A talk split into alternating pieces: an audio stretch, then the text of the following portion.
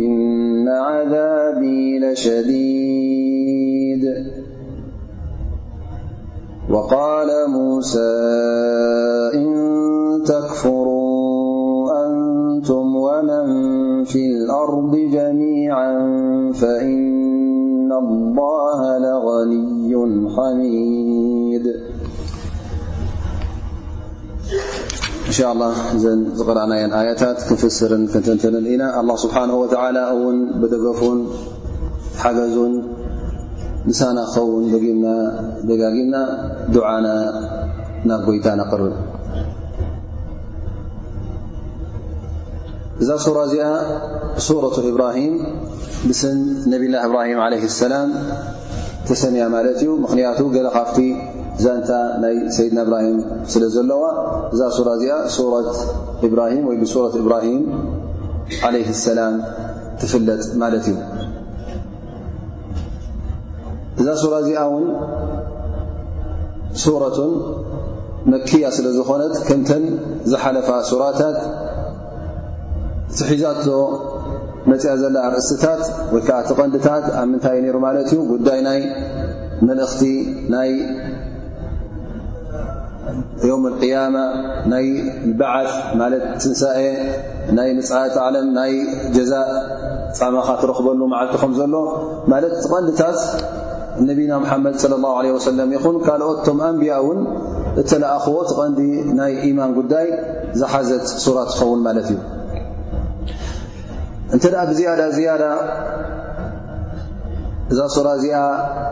ኣትሪራ ተዘኻኽረሉን ትምርኮሰሉን እንተ ደኣ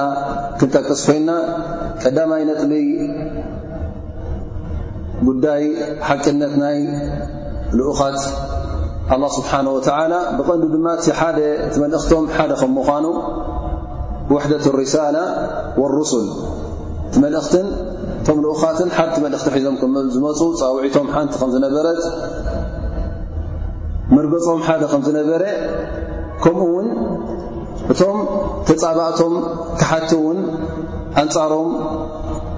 ይቃለሱ ከም ዝነበሩ ንሶምን ኣንፃር ዚ ክሕደት እዚ ደው ኢሎም ይቃለሱ ከም ዝነበሩ ኣብ መንጎ ክልቲኦም እውን ፍልልይ ከም ዝነበረን ኣብ መንጎቲ እምነትን ክሕደትን እውን ግርጭት በብዓይነቱ ከም ዝነበረ እትርኢ ማለት እዩ ስለዚ ከም ሓንቲ እማ ኮይኖም እመት ልኢማን ደው ኢሎም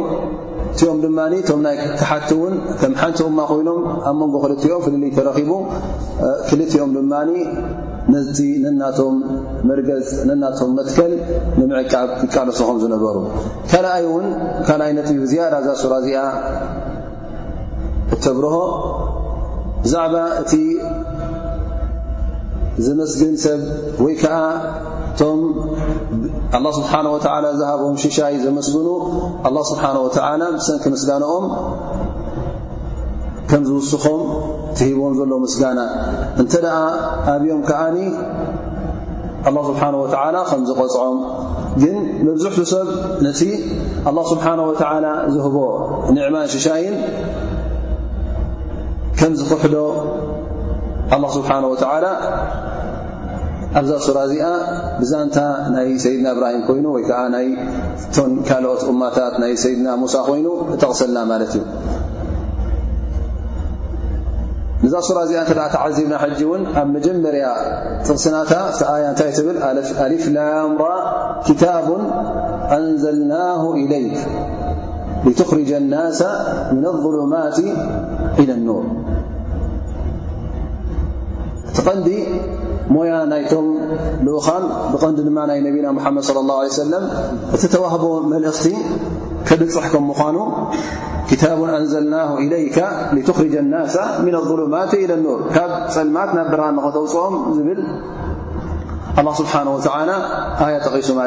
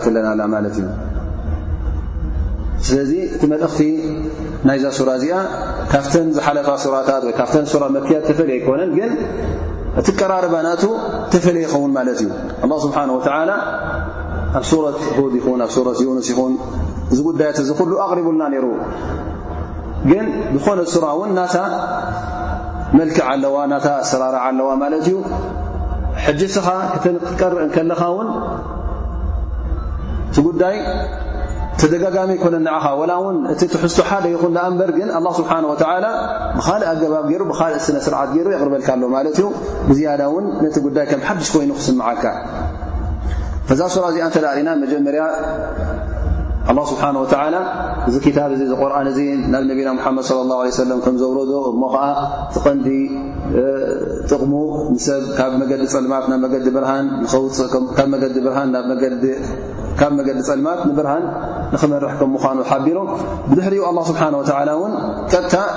ከም ኣብነት ንክኸውን እውን ቅድሚ ሕጂ እውን ተለኣኹ ኣንቢያ ከም ዘለዉ ኣላ ስብሓን ወተዓላ ናይ መልእኽቲ ናይ ሰይድና ሙሳ ወለቐድ ኣርሰልና ሙሳ ብኣያትና ዝብል ኣላ ስብሓን ወተዓላ ነዚኣ ናይ ነቢና ሙሓመድ ለ ላሁ ለ ወሰለም ልክዕ ነቢ ስ ሰለም ሰብ ካብ ጸልማት ናብ ብርሃን ንኽመርሕ ተላኢኹ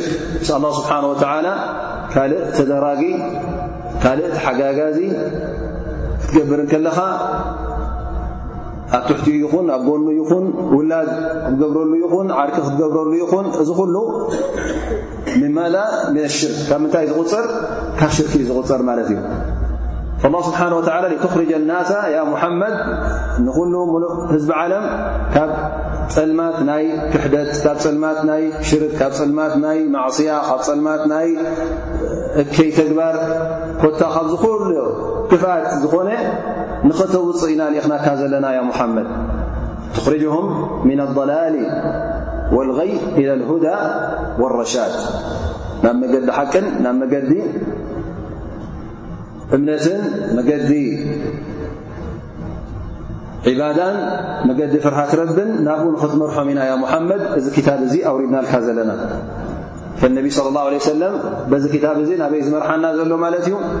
ናفت ብرሃን ናይ إيماን والله سبحنه وتلى يقول في آية أرى الله ولي الذين آمنوا يخرجهم من الظلمات إلى النور والذين كفروا أولياؤهم من يوان أولياؤهم الباغوت يخرجونهم من مذا من النور إلى الظلمات ኣላ ስብሓን ወተዓላ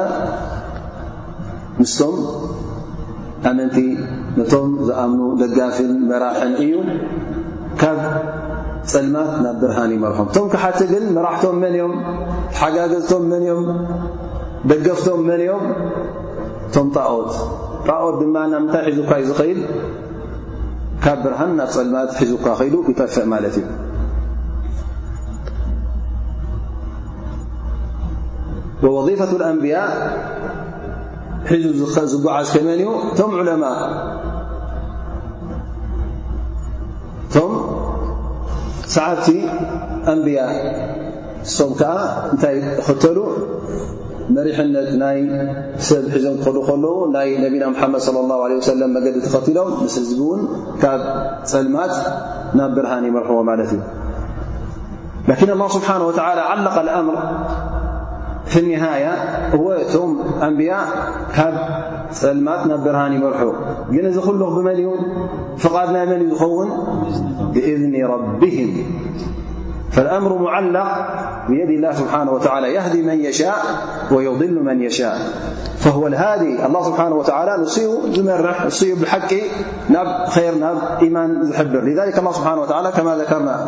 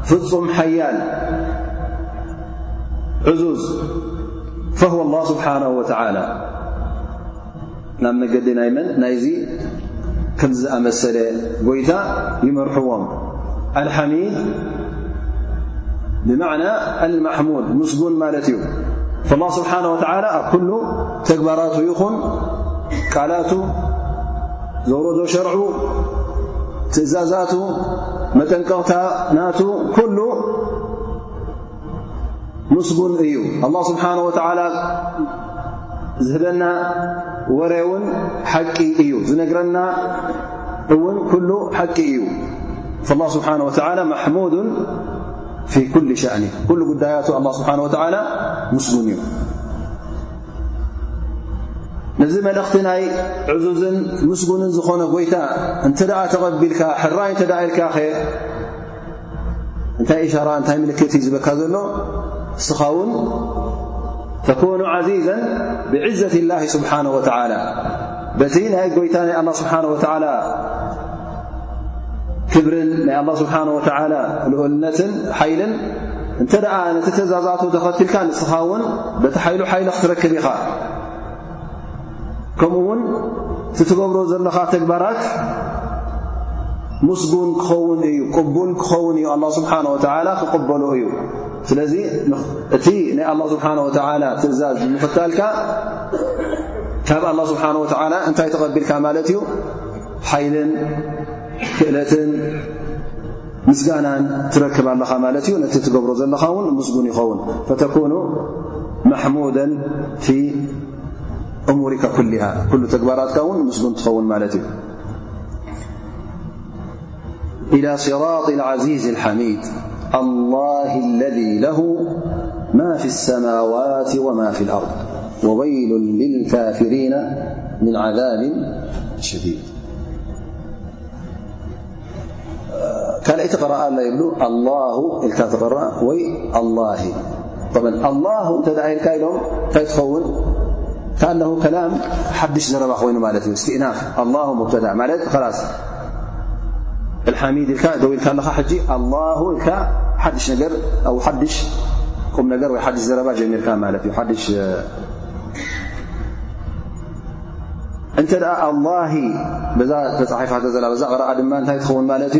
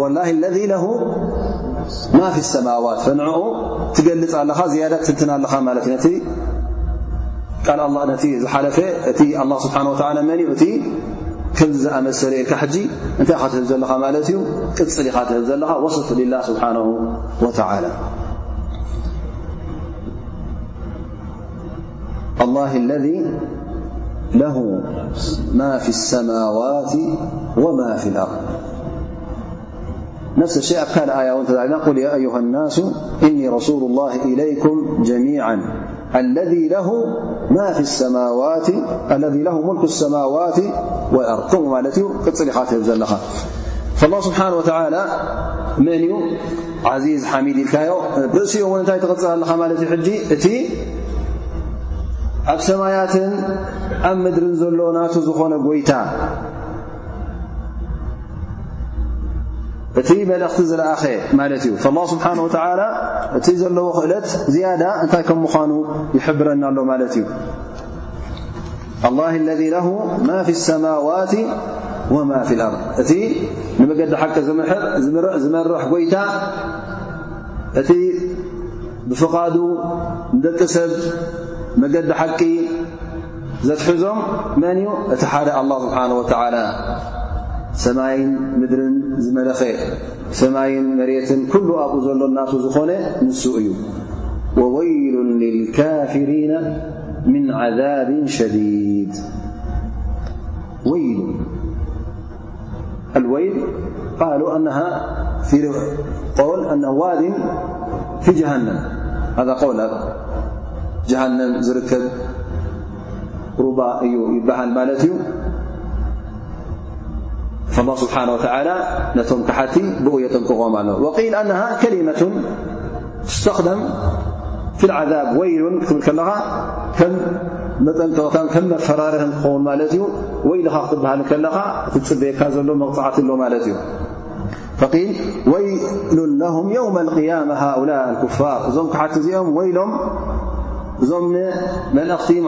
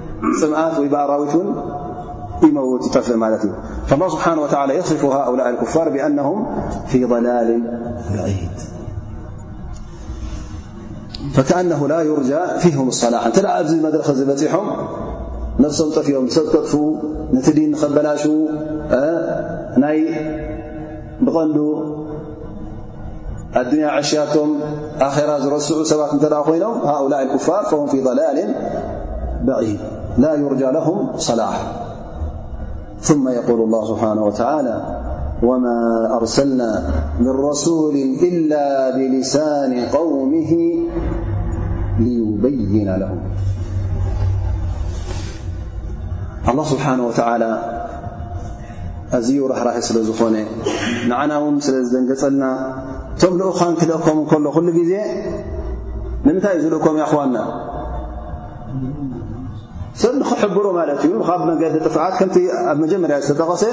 ካብ ፀልማት ናብ ብርሃን ክመርሕዎም ፈሊክ እንተ ከምኡ ክኸውን ኮይኑ እንተ ሰብ ካብ ጥፍኣት ናብ ሓቂ ክሕብሮ እተ ኮይኖም ግዴታ እቲ ዝብልዎ ዘለዉ ዘረባ ክርዳእ ኣለዎ ሰብ ክርዳእ ኣለዎ እተ ዘይተረድአ ግን እቲ መልእኽቲ ኣይበፅሐን ማለት እዩ ብذሊክ ኣላ ስብሓን ወተላ ነዞም ልኡኻን እዚኦም ክልእኮም እንከሎ እቲ መልእኽቲ ምእንቲ እቲ ህዝቢ ክርዳእ ኣዓርዩ ክበፅሖ እቲ ሕጃ ወይ ከዓ እቲ መርትዖ እንታይ ከም ዝኾኑ ኩሉ ንኽበርሃሎም ኣላ ስብሓን ወተላ ልኡኻኑ ክልእኽ እንከሎ ከምዛ ኣዚ ኣያ እዚኣ ዝብላ ዘሎ ወማ ኣርሰልና ብረሱል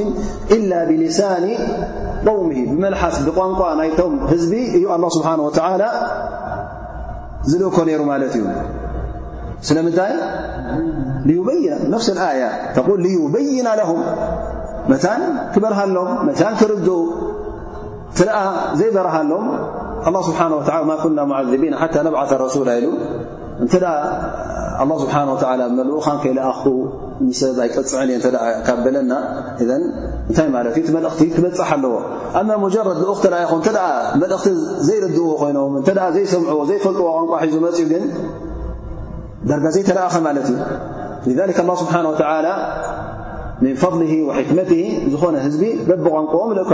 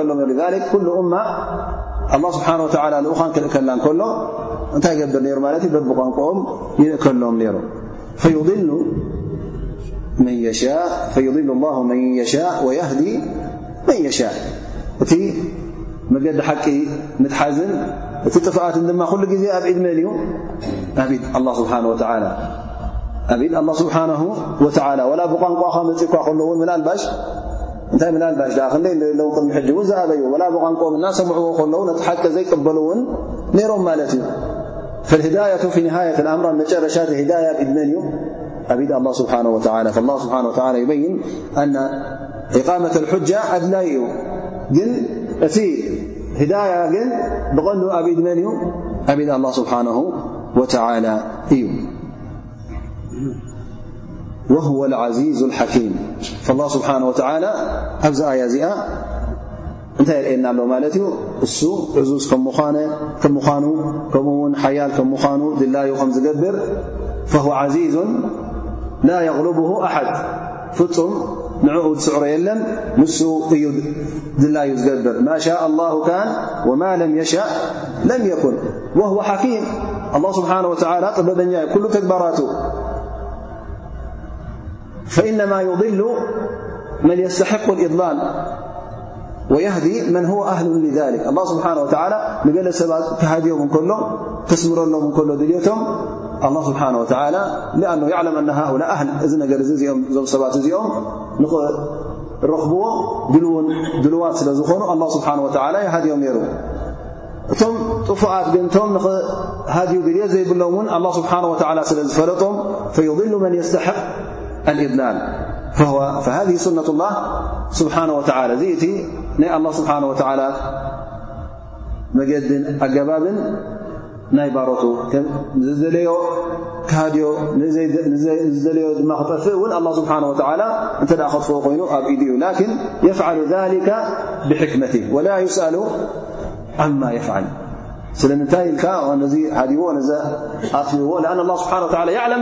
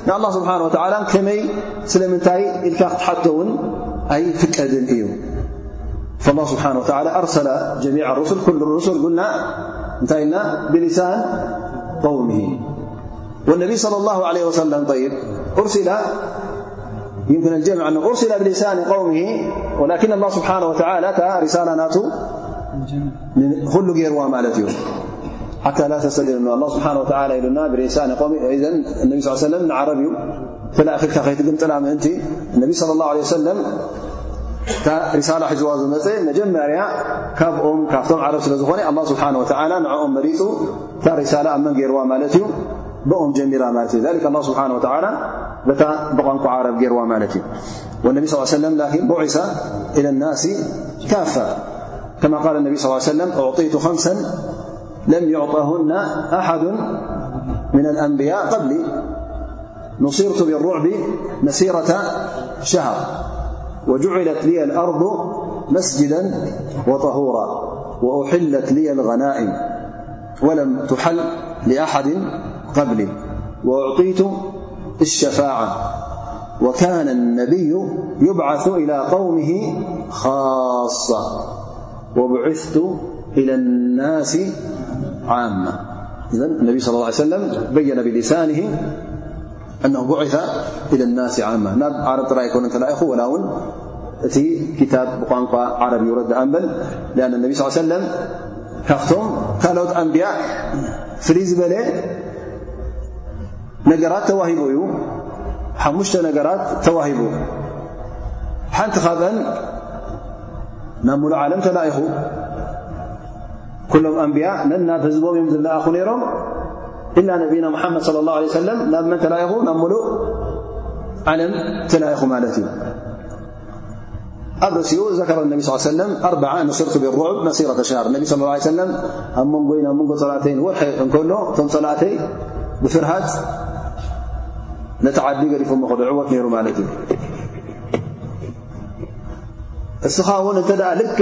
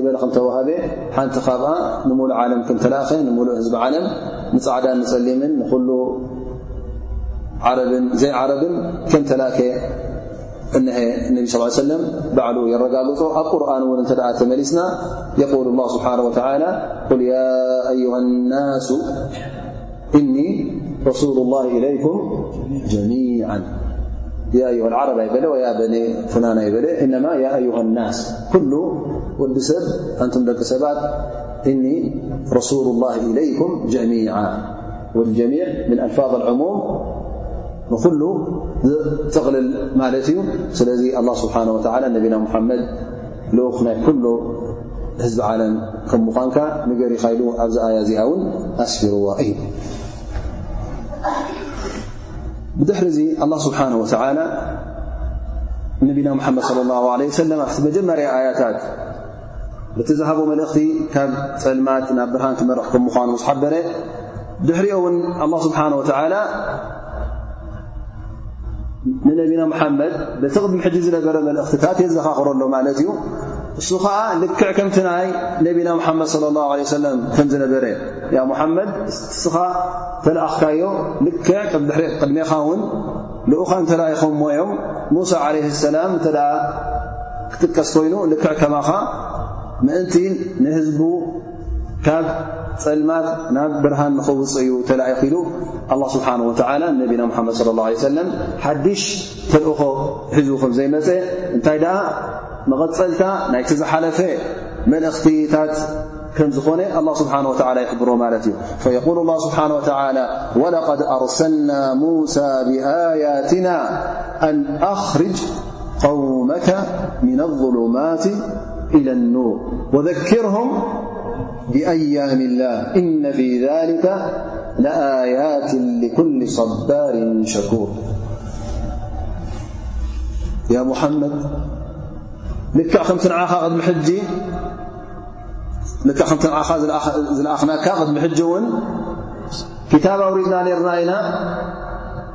እዚ ክታብ እዚ እውን ልክዕ ከምቲ እስኻ ንደቂ ሰብ ካብ መገዲ ጸልማት ናብ መገዲ ብርሃን ንኽትሕብር ተለኣኽካዮ ነቶም ዝሓለፉ ኣንብያ እውን ልኢኽና ነርና ንሓደ ካብኦም ብርግጽ ንሙሳ ዓለይ ሰላም በቲ ናህና ኣያታት ሒዙ ምልክታት ተኣምራት ሒዙ ተላኢኹ ነይሩ ምእንቲ ምንታይ ምእንቲተን ምእንቲ ቶም ህዝቡ ካብ እቲ ዘለዎ ውርደትን ክሕደትን እከይናብራን أوننجدبرهان نمرحم ولقد أرسلنا موسى بآياتنا وموسىاليات اهدالمقصود باليات هي تعيات التي أرسل بها موسى في تأمروهما معنبياتنا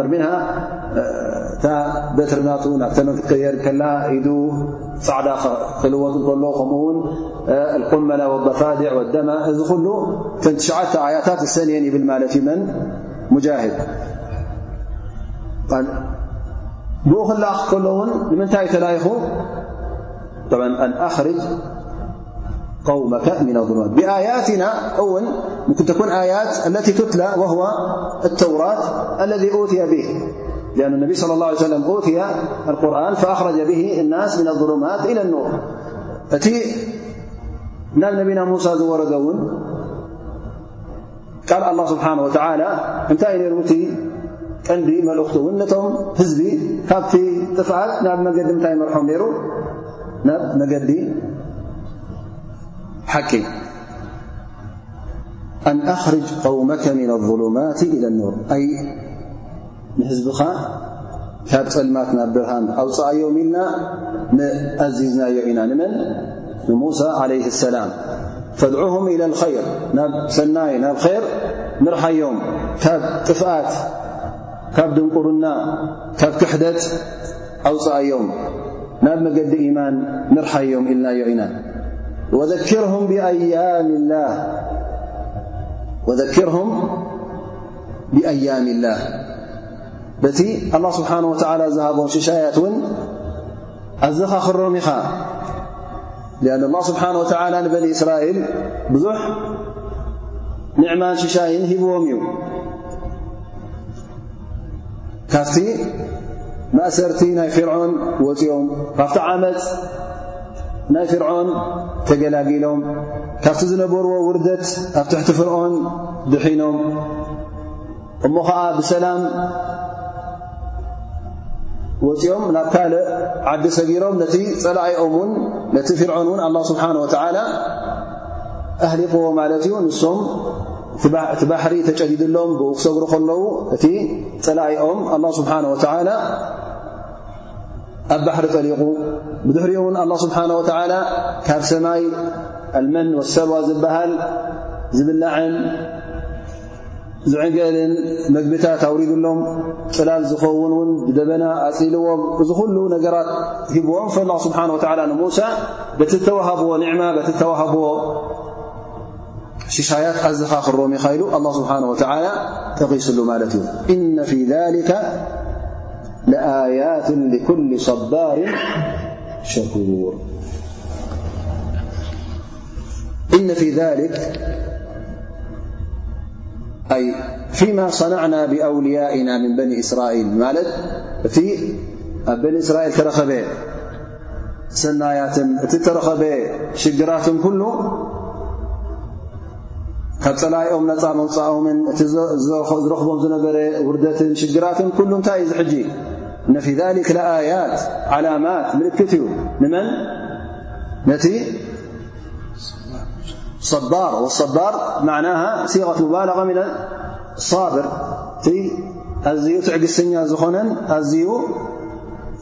أنسጋن قال قتادا نعم العبدعبد إذا ابتلي صبر وإذا أعطي